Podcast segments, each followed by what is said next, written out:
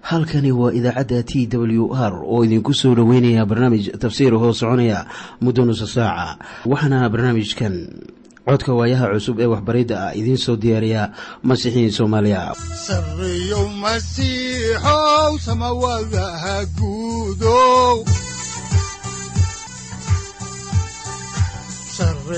masiixow samawadaha guudow mar kale ayaanu dhegaystayaal idinku soo dhoweyneynaa barnaamijka. Waxaan horay idinku sii wadi doonaa daraasaadkii aynu ka soo xiginaynay kitaabka quduuska ee bibaleka waxaan horay u sii ambaqaadi doonaa daraasaadkii la magac baxay baibalka dhammaantii oo aanu ku lafaguraynay injiilka sida maarkoos u qoray cutubkiisa toddobaad. Oo aanu uga gudbi doonno kan sideedaad. Balse haatan aynu wada dhegaysanno qhasiido ay inoo qaadaan culimo soomaaliya oo masiixiyiina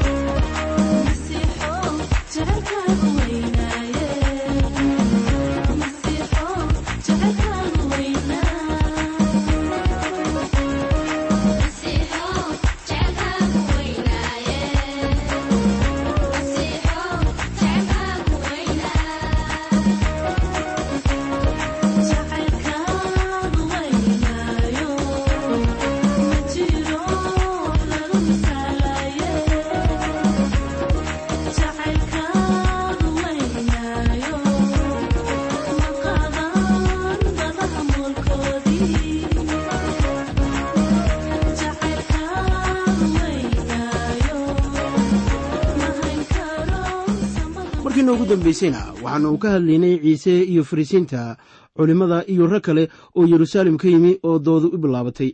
Ciise waxa uu ku yidhi sidaannu akhrinay idinku waxaad carruurta ka reebtaan inay aabbahood iyo hooyadood maamuusaan oo wax u sameeyaan. Waxa uu leeyahay xeerkan maahan mid hagaagsan oo si toosa ayaa uga soo horjeeda wixii sharcigu faray ee ahaa hooyada iyo aabbaha daraje waxaa haddaba halkan yaalla khatar weyn maanta oo ah in dadku ay ururada siiyaan wax kasta ee ay doonayaan ama jeclaystaan. Waxaa haddaba jira kumanaan urur diimeedyo masiixiyiin ah oo rag u diray dibadda si ay dad ugu raadiyaan ururada ay mas'uulka ka yihiin. Taasuna waxa ay leedahay khatarteeda. Waxaa haddaba jira mas'uuliyad laga doonayo dadka loo carbinayo ururada in ay buuxiyaan shuruudo oo ay leeyihiin mas'uuliyado shakhsiyadeed haddaba markaannu horay uga sii soconno faallada ciise ayaannu arkaynaa in uu tafaasiil dheeraada bixinayo. Aynu eegno axdiga cusub injiilka sida maarkoos u qoray cutubka toddobaad aayadaha afar iyo toban ilaa shan iyo toban waxaana qoran sida tan. Markaasuu dadkii badnaa haddana u yeeray oo ku yidhi imaqla kulligiin oo garta. Ma jiraan wax dibadda jooga oo intay ninka galaan nijaasayn kara laakiin waxaa isaga ka soo baxa kuwaasaa ninka nijaaseeya. Wuxuu haatan kala qaadayaa waxa qofka dibadda ka ah iyo waxa qofka ku jira wuxuuna tilmaamayaa waa ciise eh xaalka dhabta. Wuxuu halkan inoogu muujinayaa in diintu ayan ahayn wax laysmariyo mana ahan wax hor istaaga in wax la cuno. Waxaad ogaan doontaa in uu aaday guri oo xertiisiina way u yimaadeen isaga oo waxa ay weydiisteen. Wax ku saabsan masaalka haddaan dib ugu noqonno injiilka sida maarkoos u qoray cutubka toddobaad aayadaha siddeed iyo toban ilaa iyo labaatan ayaa waxaa ku qoran wuxuu iyaga ku yidhi idinku ma sidaasaad garasho la'aan u tihiin. Miyaynaan garanaynin in waxa dibadda jooga oo dadka galaa ayan nijaasayn karin. Waayo qalbigiisa ma galaan laakiin calooshiisay galaan oo waxa ay ku dhacaan meesha saxrada sidaasuu cuntada oo dhan ku nadiifiyey wuxuuna ku yidhi waxa ninka ka soo baxa kuwaas weeye waxa ninka nijaaseeya bal aynu eegno waxa ninka ka yimaada waxa ay yihiin innagoo u leexanayna injiilka sida maarkoos u qoray cutubka toddobaad aayadaha koob iyo labaatan ilaa saddex iyo labaatan waxaana qoran sida tan. Waayo waxan weeye waxa qalbiga dadka gudihiisa ka soo baxa waxaana ay kala yihiin fikirada sharka leh iyo wasmada xaaraanta iyo tuugannimada iyo dilidda iyo damacannimada iyo sharka iyo khiyaanada iyo camal xumaanta iyo ilxun iyo cayda iyo kibirka iyo nacasnimada. Waxyaalahan sharka leh oo dhammu gudahay ka soo baxaanoo ninka nijaaseeyaan. Waxaan idiin xaqiijinayaa haddii aad iibsato jariidadda maalinlaha ah meel waliba aad joogto oo aad akhriso waxaad arkaysaa in ay waxaas aad akhrisay ay dadka ka yimaadeen afar iyo labaatankii ee la soo dhaafay. Waxaana weeye fikirada sharka leh wasmada iyo kacsiga xaaraanta ah dilidda tuuganimada damaacinimada waa iyo jagadoonnimada xumaanta waa ficil kasta ee lagu fakaro in qof wax lagu yeelo. Khiyaanada cayda sida in dadku waxun ku yidhaahdaan ama ay dadka kale ku yidhaahdaan iyo nabiibnimada. Ilxumida ayaa iyana ah xaasidnimada cayda waa nabyada ilaah aad nabayso amase dadka. Waxaa iyana niyadaha dadka ka yimaada faanka. Ilaah wuu necab yahay faanka. Waxaa kaloo jira nacasnimada oo iyaduna ka timaada niyadaha dadka. Waa ficil dadku sameeyo iyagoon ka fakaraynin ilaah ama kuwa la nool. Haddaba waxyaalahan oo dhaniba waxa ay ka yimaadaan niyadaha dadka waana waxa uu sayidku u leeyahay waa in aad mar kale dhalataan haddaan halkii ka sii wadno injiilka ayaan markaan waxaan eegaynaa cutubka toddobaad aayadaha afar iyo labaatan ilaa soddon waxaana qoran sida tan. Meeshaas ayuu ka kacay oo waxa uu tegey soodimaha tuuros iyo sidon markaasuu guri galay. Ma uu doonaynin in la ogaado laakiin wuu qarsoomi kari waayey. Kolkaasaa naag gabadheedu jinni wasakhle qabtay ay maqashay warkiisii oo intay timid ayay lugihiisa isku tuurtay. Naagtii waxay ahayd griig qolo ahaanna sorofoynike oo waxa ay ka bariday inuu jinniga gabadheeda ka saaro. Kolkaasuu ku yidhi kolka hore carruurta hadhargeen waayo ma wanaagsana in carruurta kibistooda la qaado oo eeyaha loo tuuro. Laakiin way u jawaabtay ku tiri waa run sayidow laakiin weliba eeyaha miiska hoostiisa ku jira waxa ay cunaan jajabka carruurta ka dhaca. Kolkaasuu iyada ku yidhi hadalkaas aawadiis tag jinnigii ayaa gabadhaada ka baxay. Goortay gurigeeda timid. Waxay aragtay gabadhii oo sariirta jiifta oo jinnigii ka baxay. Waxaan horay u soo aragnay dhacdo noocan oo kale ah. Waxaad xusuusataa in sayidkeennu uu ka tallaabsaday xuduudka oo uu la kulmay naagtan griigta ah oo ahayd reer turos waxa ay naagtani ugu timi ciise rumaysad oo ereyga ah gabadha ayaa noqonaya hadal gaaban taasoo looga gol leeyahay in gabadhu ahayd gabadh yar markii ugu horreysay sidii uu ula macaamilooday naagta ayaa u muuqanaysa sida inay ahayd wax aad u xun laakiin waxaad xusuusan doontaa in markii aan dariisno qisadan sida ay ugu qoran tahay injiilka sida matayos u qoray aynu arkayno turjumada lama huraanka ah sida runta ah na noqonaysa muujin hubaal ah oo xoog leh. Waxaan u malaynayaa in halkan laynoogu muujiyey shay kale oo xoog badan waana saxiixnimada afarta injiil. Naagtan waxa ay u taagan tahay rumaysad muuqda ee uu leeyahay qof ku nool meel ka baxsan dhulkiisii. Sayidkeennu waa ka jawaabay baryadeedii. Dadku waxa ay la yaabaan in sayidku uu halkan u yimi naagtan darteed si uu kaga jawaabo rumaysadkeeda iyo in kale. Haddaan halkaa ka sii wadno injiilka markos waa injiilka markos sida uu qoray ayaa waxaa ku qoran cutubka toddobaad aayadda koob iyo soddonaad sida tan. Mar kale ayuu soodimaha tuuros ka soo tegey oo siidoon maray oo badda galali yimi. Soodimaha dekabolisna ayaa uu soo dhex maray. Ciise haatan waxa uu ka soo tegey tuuros iyo sidon waxaana uu dhex marayaa dekabolis. Marka uu ku sii jeedo badda galilei dekabolis marka la fasiro waxa ay noqonaysaa tobanka magaalo ama caasimadood. Waa degmo lahayd toban caasimad oo badankood ay ku yaaleen bariga webiga jordan waana nawaaxiga ku dhow badda galilei magaalooyinkaasu waxa ay kala ahaayeen skathobolis gerasa dion hibos gadara kanatha bela rafana filadelfiya damaskas halkaa haddaannu ka sii wadno xigashada kitaabka ayaannu haatan eegaynaa cutubka toddobaad aayadaha labaiyo soddon ilaa soddon iyo toddoba ee isla injiilkan sida maarkoos u qoray waxaana qoran sida tan. Markaasay waxay u keeneen mid dhego iyo carabla waxaana ay ka baryeen inuu gacantiisa saaro. Kolkaasuu dadkii badnaa dhinaca uga bixiyey oo farihiisa ayaa uu dhegihiisa ka geliyey wuuna tufay oo carabkiisa taabtay. Markaasuu cirka kor u eegay wuuna taahay oo ku yidhi efata waxa weeye furan markiiba dhegihiisii waa furmeen oo carabkiisii xidhnaana waa dabcay oo si bayaana ayuu u hadlay. Wuuna ku amray inaanay ninna u sheegin laakiin in alla intuu amray ayay in ka sii badan sii naadiyeen. Aad iyo aad bay ula yaabsanaayeen oo waxay yidhaahdeen wax waliba si wanaagsan ayuu u sameeyey kuwa dhagala waxbuu maqalsiiyey kuwa carab kala'na wuu ka hadlayaa waxaan idinku leeyahay wax kasta ee uu sameeyey. Waxaa loo sameeyey qaab lagu taageero rumaysadka. Fikradda halkan ku qoran oo dhan waxa ay muujinayaan xaqiiqda ah in xaaladda ninkan ay ka dhigtay ciise in uu isticmaalo habkan uu isticmaalay. Markii ugu horreysay waxaa la furay dhegihiisa markaasuu wax maqlay. Dabeetana way adkayd in la aamusiyo dadkii badnaa. Tanuna waxay ahayd mucjiso keentay in dadku ku soo xoomaan hawsha wacdiska ciise masiixi kaasoo xuduudihiisii ballaarteen. Wakhtigan cadaadiskii saarnaa ciise waxa uu ahaa midaan qof ahaan loo babacdhigi karaynin iyadoo ay ugu wacan tahay cadaadiskii saarnaa ciise iyo culayskii ay ku hayeen dadkii badnaa iyo xiisadda wakhtiga maalmaha mashquulka badan iyo daalkii jirka aawadii ayaa haddana dadku waxa ay leeyihiin wax waliba si wanaagsan ayuu sameeyey innagoo taa raacinayna hadal taageero ah ayaan innaguna leenahay aamiin. Saaxiib weli si hagaagsan buu wax u sameeyaa maanta. Haddii aan halkaa ku soo gunaanadno cutubka toddobaad ayaa waxaa haatan inoo bilaabanaya cutubka siddeedaad. Cutubkan siddeedaad waxa uu dherer la eg yahay kan toddobaad wuxuuna horay u sii ambaqaadayaa dulucda weyn ee maarkos kaga hadlayey injiilka ficilka ah. Ciise waxa uu quudiyey afar kun oo qof.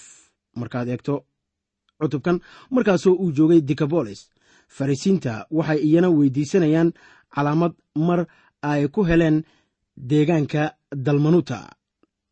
Waxaa kaloo aannu ku arki doonnaa cutubkan niman ay saaxiibo ahaayeen nin indhoolo ah oo ciise u weydiinaya in uu taabto indhaha ninka saaxiibbada ay yihiin wixii sayid ciise masiix samaynayey waxay ahaayeen wax faa'iido u leh romanka oo innagana faa'iido inoo leh maanta. Miyaa sayid ciise masiix awoodayaa inuu badbaadiyo dembiilayaasha kuwa ugu xunxun. Miyuu shaqadaa samayn karayaa su'aalahaas oo dhan ayaa lagu caddaynayaa cutubkan. Ciise waxa weeye addoonkii yehova waxaanan arki doonnaa in uu howlaha samayn karayo.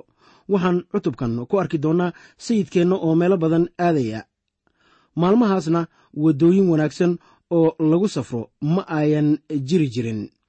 Dhulkaasu waxa uu ahaa mid aad u yar laakiin markii aad xawaaraha gaarigaaga dhinto waxaad arkaysaa inuu yahay dhul baaxad leh wuuna lugan jiray.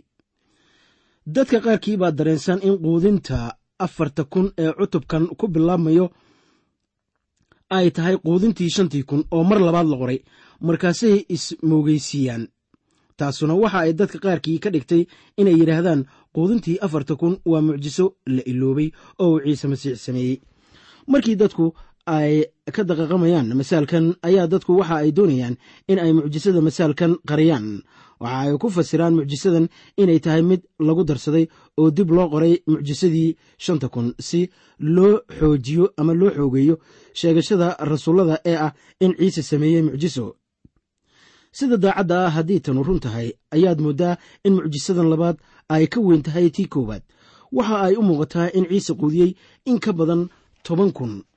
Waa haddii labadaas mucjiso ay mid yihiin.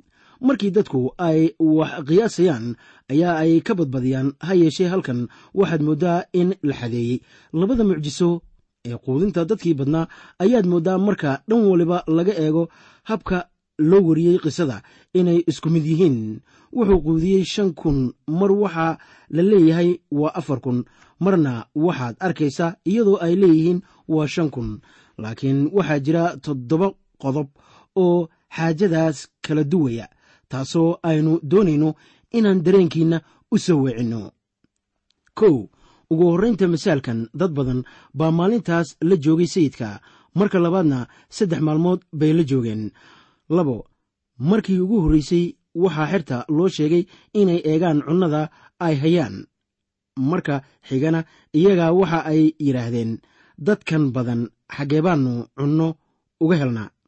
Saddex markii shantii kun la quudinayey waxaa meeshaas yaallay shan kibsood iyo laba kalluun. Marka afarta kun la quudinayana waxaa halkaa yaalla toddoba kibsood iyo dhowr kalluun. Afar markii ugu horraysay waxay ahayd wakhti ku dhow ciidda kormaridda waxaana dadkii badnaa loo sheegay inay hormo hormo u fadhiistaan cawska. Marka dhacdadan labaadna dhulka uusan cagaarba lahayn oo qorraxdu u gubatay waxaana lagu yidhi waxaad fadhiisataan dhulka. Shan mucjisadii koowaad waxaa qoran in sayidku barakadeeyey kibistii marka mucjisadan labaadi sheegayso in uu ka mahad celiyey deeqda markii hore kibista dabadeedna waxa uu barakadeeyey kalluunkii lix. Kadib markii shantii kun la quudiyey waxaa jajabkii haray uu gaarayey ilaa iyo laba iyo toban dembiilood laakiin markii afarta kun la quudinayey dadku way dhargeen waxaana soo haray toddoba dembiilood toddoba. Sida abbaarta tirsiga la quudiyey waxa uu ahaa mid ka beddelan sida qisada kale ay sheegayso. Marka waxaa jira baa la odhan karaa laba mucjiso oo dadka lagu quudiyey. Markaan eegno kala duwanaanshaha taariikhdan laga qoray dhacdadaas waxa ay u muuqataa inuu jiro kala duwanaan u dhaxaysa labadan mucjiso ee uu ciise masiix ku quudiyey shanta kun iyo tan uu ku quudiyey afarta kun. Markii uu shanta kun quudiyey ayaa taa la odhan karayaa waa qisadii hore ciise iyaga waxbuu berayey laakiin markaan eegno injiilka sida yuuxanaa u qoray ayaa uu yuuxanaa raacinaya qisadan shanta kun lagu quudiyey tii qisada kale ee ahayd in ciise yahay kibista nolosha.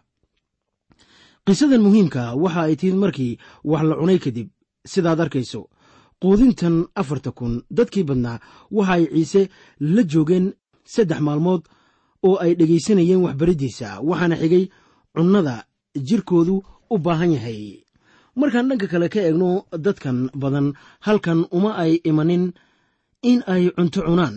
Waxayse u yimaadeen in ay maqlaan waxbaridda ciise masiix markaan haatan xigashada idiin bilaawno ayaad garanaysaan marka la leeyahay maalmahaas. In hubaal ahaan dhacdadani timid markii uu joogay dikabolis dadkii badnaa ayaa bilxaqiiqa u soo raacay ciise lamadegaanka halkaasoo ku habboonayd waxbaridda laakiin halkaa ma ayan olin wax cunnaa dad badan ayaa haatan soo raacay sidaannu arki doonno haddaan idiin bilowno xigashada markii ugu horraysay caawa ayaannu idiin akhriyaynaa injiilka sida maarkoos u qoray cutubka siddeedaad aayadaha hal ilaa lix waxaana qoran sida tan. Maalmahaas dadkii aad buu u badnaa oo waxay cunaanna ma haysan. Markaasaa ciise xertiisii u yeeray oo ku yidhi dadka badan ayaan u naxariisanayaa waayo durba saddex maalmood ayay ila joogeen oo waxa ay cunaanna ma haystaan haddii aan guryahooda u diro iyagoo sooman jidkay ku itaalbeeli doonaan waayo qaarkood. Waxa ay ku yimaadeen ama ay ka yimaadeen meel fog kolkaasaa xertiisii u jawaabtay oo waxa ay ku yidhaahdeen meeshan cidlada ah xaggeebaa looga heli karayaa kibis dadkanu ka dhargaan goortaasuu weydiiyey imise kibsood baad haysaan? Waxa ay ku yidhaahdeen toddoba kolkaasuu dadkii badnaa ku amray in ay dhulka fadhiistaan markaasuu toddobadii kibsood soo qaaday oo goortuu ku mahadnaqay ayuu kala jijibiyey oo xertiisii siiyey inay hortooda dhigaan. Markaasay dadkii badnaa hor dhigeen. Waxaa halkan yaalla shay xiisa leh waxay u muuqataa in xertu ay iloobeen quudintii shantii kun ee hore. Waxaan markaa anigu rumaysanahay in kuwo badan oo innaga ah ay la mid yihiin xerta oo iloobeen dhacdooyinkii la soo gudboonaaday ilaah waxa uu sameeyaa waxyaabo aad u wanaagsan. Markaasaan ilownaa maalinta xigta. Haatan waxaa halkan yaalla kibis badan iyo dad yar laakiin weli waa run markay leeyihiin. Maxaa intanu u taraysaa dadkan badan? Haddaba yaa haya rootiga haatan. Garan mayno cidda hayse rootigaas. Waxaase haya dad aan la garanaynin. Inkastoo aynaan qofkaas garanaynin. Qofkaasu waxa uu helayaa abaalmarintiisa maalin maalmaha ka mid a dhacdadan waxa ay fadhiisteen ciidda laakiin markii uu quudinayey shanta kun waxa ay ku fadhiisteen cawska. Sidaan horeyba idinku sheegnay. Meeqo kalluun bay haysteen. Waxaa keliya oo aynu odhanaynaa kalluun aan badnayn. Tirsiga in la sheego ahamiyad weyn ma leh mana tirinayo kalluunka. Markii qayb ilaah ku jiro waxaad ogaanaysaa inay wixii uu qaybiyey ay wax ka soo harayaan haddii uu quudiyey shan kun iyo hadduu quudiyey afar kunba dadka wax yar ma siinin laakiin waxa uu siiyo cunno tiro badan oo ay ka dhargaan haddii si lama filaana ay u yimaadaan hal dumara iyo dhallaan oo ku soo darsadaan ragga halkaa joogay oo dhan ayaan arkaynaa sida abbaarta ah in ay ku dhowaanayso tirsigii la quudiyey oo ah. Ama noqonaya ilaa iyo labaiyo toban kun oo qofood haddaan xigashada halkeedii ka sii wadno ayaa waxaa haatan aynu eegaynaa injiilka sida maarkoos u qoray cutubka siddeedaad aayadda tobanaad waxaana qoran sida tan. Kolkiiba xertiisii ayaa uu dooni la fuulay oo waxa uu yimi dhinacyada dalmanuuta deegaanka dalmanuuta si cad looma qeexi karayo. Sida abbaarta waxa ay ku taallaa xeebta badda galilii waxaana ay ahayd in ay gudbaan badda si ay halkaas ku gaaraan waxaana ay taasu noqonaysaa in ay yimaadaan dhanka galbeed waxa ay ku soo safreen dooni. oo sida cadna waxa uu deegaankaasi ku yaallaa xeebta waqooyi galbeed ee dhulka israa'iil. Haatan waxaannu arkaynaa in loo qaadayo nacayb aan qiyaas lahayn. Haddaan horay u sii wadno xigashada isla injiilkan ayaannu haatan eegaynaa cutubka siddeedaad aayadaha koob iyo toban ilaa shan iyo toban waxaana qoran sida tan. Markaasaa farisiintu u soo baxeenoo waxa ay bilaabeen inay wax weydiiyaan oo waxa ay ka doonayeen inuu calaamo cirka ka tuso si ay u intuu ruuxiisii ka tahay ayuu yidhi qarnigan muxuu calaamo u doondoonayaa runtii waxaan idinku leeyahay qarnigan calaamo lama siin doono. Markaasuu ka tegey oo haddana doonnida fuulay oo dhanka kale u kacay xertii waxa ay iloobeen in ay kibis soo qaataan oo doonnida kibis kuma ay haysan mid keliya maahe. Markaasuu wuxuu ku amray oo ku yidhi iska eega oo iska jira khamiirka farisiinta iyo khamiirka herodos ama herodosiinta markaan eegno qorniinka khamiir waxa uu u taagan yahay waxbaridda khaldan amase waxbaridda sharta ah. Lagama wado injiilka midda qiimo darrada keenaysa ee dadka la baro maanta ayaa keenaysa in khamiirku u taagnaado injiilka sida ku qoran masaalka naagtii ku qarisay khamiirka saddexdii qiyaasood ee cajiinka ahaa. Waxaana taasu ku qoran tahay injiilka sida matayos u qoray cutubka saddex tobnaad aayaddiisa soddon iyo saddexaad. Markaan eegno qorniinka khamiir waxa uu u taagan yahay waxbaridda khaldan amase waxbaridda sharta lagama wado injiilka aad baynu u wada garanaynaa dhadhanka wanaagsan ee rootigu yeelanayo haddii lagu daro khamiir. Khamiirkaas ayaa haatan noqonaya sharkii lagu qarinayay hadalka. Waxaannu halkan ka bixinaynaa digniinta ah waxbaridda khaldan ee farisiinta iyo horodosiinta haddaan dib ugu noqonno injiilka sida maarkoos u qoray ayaa waxaa ku qoran cutubka siddeedaad aayaddiisa siddeed iyo tobnaad sida tan indha baad leedihiin miyaydnaan waxba arkaynin dhegana baad leedihiin miyaydnaan waxba maqlaynin oo aynaan xusuusanayn. Haddaan halkaa ka sii wadno kitaabka ayaa waxaa ku qoran injiilka sida maarkoos u qoray cutubka siddeedaad aayadda sagaal iyo tobnaad ilaa koob iyo labaatanaad sida tan. Goortii aan shantii kibsood shantii kun u kala jejabiyey imise dembiilood oo jajab ka buuxa ayaad soo ururiseen waxa ay ku yidhaahdeen laba iyo toban oo goortii aan toddobadii kibsood afartii kun u kala jejabiyey imise dembiilood oo jajab ka buuxo ayaad soo ururiseen. Waxa ay ku yidhaahdeen toddoba. Wuxuuna ku yidhi miyaydnaan weli garanaynin. Waa inaynu quudannaa baibalka oo ka digtoonaannaa waxbaridda khaldan. Waxaan u malaynayaa intaasu inoogu caddahay waxbariddiisan uu inoo soo jeediyey. Innagoo weli bartamaha kaga jirna xigashada injiilka ayaannu eegaynaa cutubka siddeedaad aayadda labaiyo labaatanaad waxaana qoran sida tan markaasay yimaadeen baytsayda oo waxaay u keeneen nin indhala oo ay ka baryeen inuu taabto. Waxaa halkan yaalla mucjisooyin la yaab leh oo sayidkeennu sameeyey. Waxa uu oggolaaday wixii ay weydiisteen oo waxa uu taabtay ninkaas indhoolaha ah indhihiisii. Laakiin waxaad garanaysaa inuu ninka indhaha la'aa ka saaray magaaladii. Miyaa haddaba baytsayda halkaasoo lagu sameeyey badanaa mucjisooyinkiisii noqotay sida naasareed oo kale oo aan kol dambe mucjiso lagu samayn karaynin. Hubaashii male qiimi ay keenayso dawa ahaan candhuuf lagu daray dhoobo laakiin sayidka ayaa u isticmaalaya taas si uu sare ugu qaado rumaysadka ninkaas.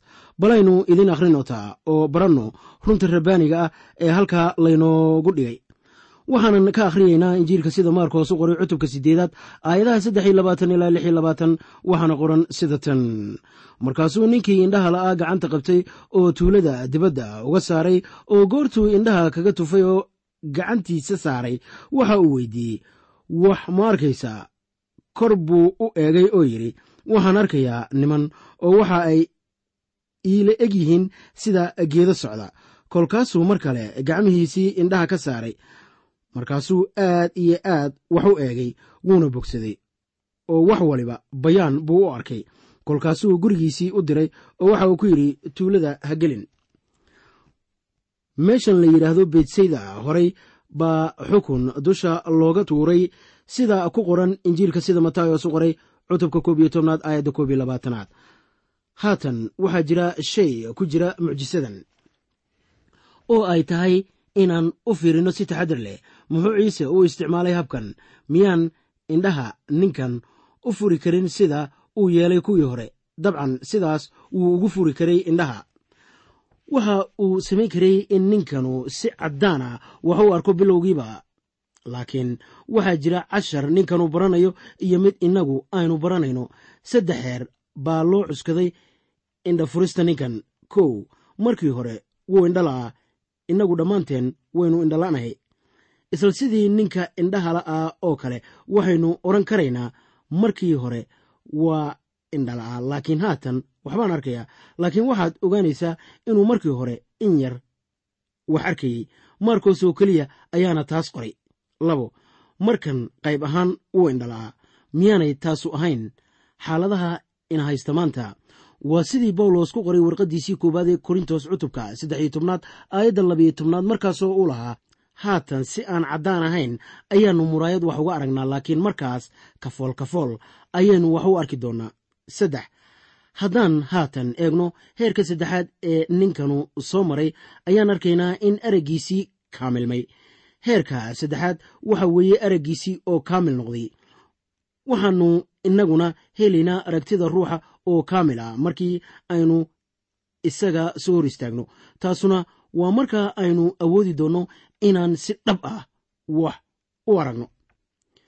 Waxaad garataan ama aydun garan doontaan markii sayidkeennu dhammeeyey hawshii bogsiinta ee ninkii indhaha la'ah ayuu ninkan si kaamila ugu soo celiyey araggiisii indhaha. Haddaba waxaa jira shay halkan yaalla oo aanan maanta awoodaynin inaan si baaxad leh uga hadalno laakiin miyaad garateen? Habkii kala duwanaa ee sayidkeennu isticmaalay markii uu indhaha u furayey ninkan indhaha la.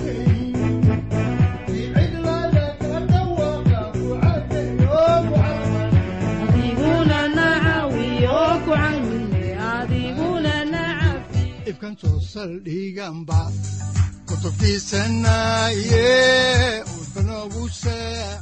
halkani waa t w r idaacadda t w r oo idinku leh ilaa ha idin barakeeyo oo ha idinku anfaco wixii aad caawi ka maqasheen barnaamijka. Waxaa barnaamijkan oo kalea aad ka maqli doontaan habeen dambe hadahan oo kale haddiise aad doonaysaan in aad fikirkiina ka dhiibataan wixii aad caawi maqasheen ayaad nagala soo xiriiri kartaan som t w r at t w r c o k e haddii aad doonaysaan in aad dejiisataan oo kaydsataan barnaamijka ama aad mar kale dhegaysataan fadlan mar kale booqo www t w r o r g amase waxaad teleefoonkaaga ku kaydsataa ama ku download garaysataa agabyada ku sahli karaa dhegeysiga t w r haddii aad doonayso in laga kaalmeeyo dhinacyada fahamka kitaabka amase aad u baahan tahay duco fadlan fariimahaaga soo mari bogga aaraahda ama kommentska inana jawaab degdeg ah ayaanu ku soo diri doonaa amase ku siin doonaaye